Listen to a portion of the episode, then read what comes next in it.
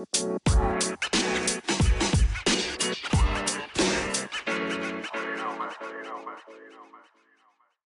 so te barve, ki, so, ki jih je tvoj oče prinesel v tvoje življenje? Kje so tiste barve, ki rečeš, to je pa? To je od mojega tata. Um, ja, po mojem, prva stvar, ki mi pade na pamet, je turkizna. Turkizna barva je, po mojem, tako neka najbolj um, prevladujoča v moji keramiki in mogoče ne toliko v zdajšnjih uh, delih od mojega očeta, ampak bolj v tistih um, prvih uh, serijah, ki jih je slikal. In um, ne vem, ne vem zakaj, pač mene je turkizna.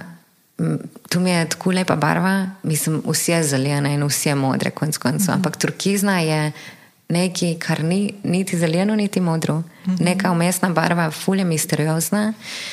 In kadar recimo gledam v naravi, če gledam recimo um, morje, mm -hmm. me navdaja z neko ful posebno energijo. Um, tako da si mislim, da je trukizna tista, ki bi jo najprej omenila. Ja. Mm -hmm.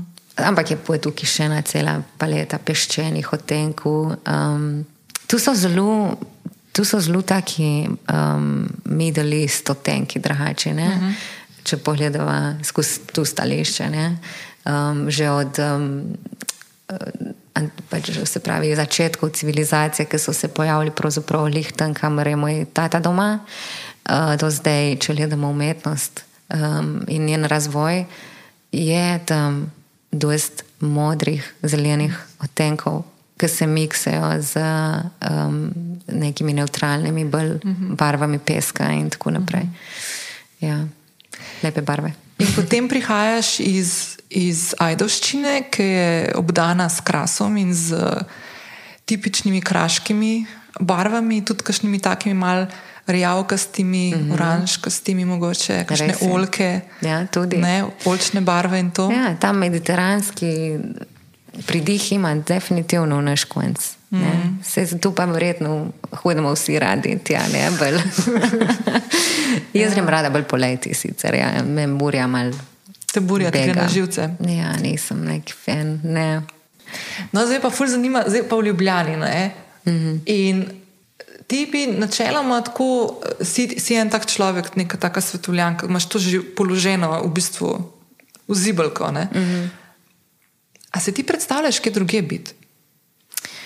Ja, v bistvu, mislim, glede na to, da imam partnerja iz Londona, uh mhm. -huh. je nekako naslednji korak, da se preseliva v London. Res. Uh -huh. wow. Mislim, v resnici smo mislili tu narediti že pred korono.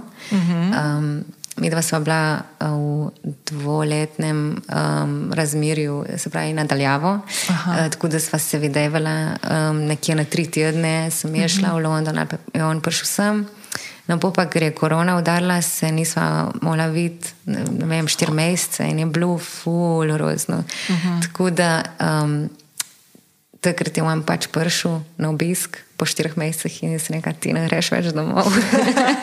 da, ampak tudi, seveda, pač, kot je uh, stanovanska situacija, mm -hmm. dosti težja v uh, Londonu, da ne niti govorimo, kaj pomeni najeti studio. Ja. Mm -hmm. um, sicer sem že mal gledala, takrat tudi iz Nacajtu stvari, uh, koliko uh, stane, kakšne mm -hmm. studije bi lahko uh, si nekako provoščila in vredno bi imela ne vem, eno mizo nekje.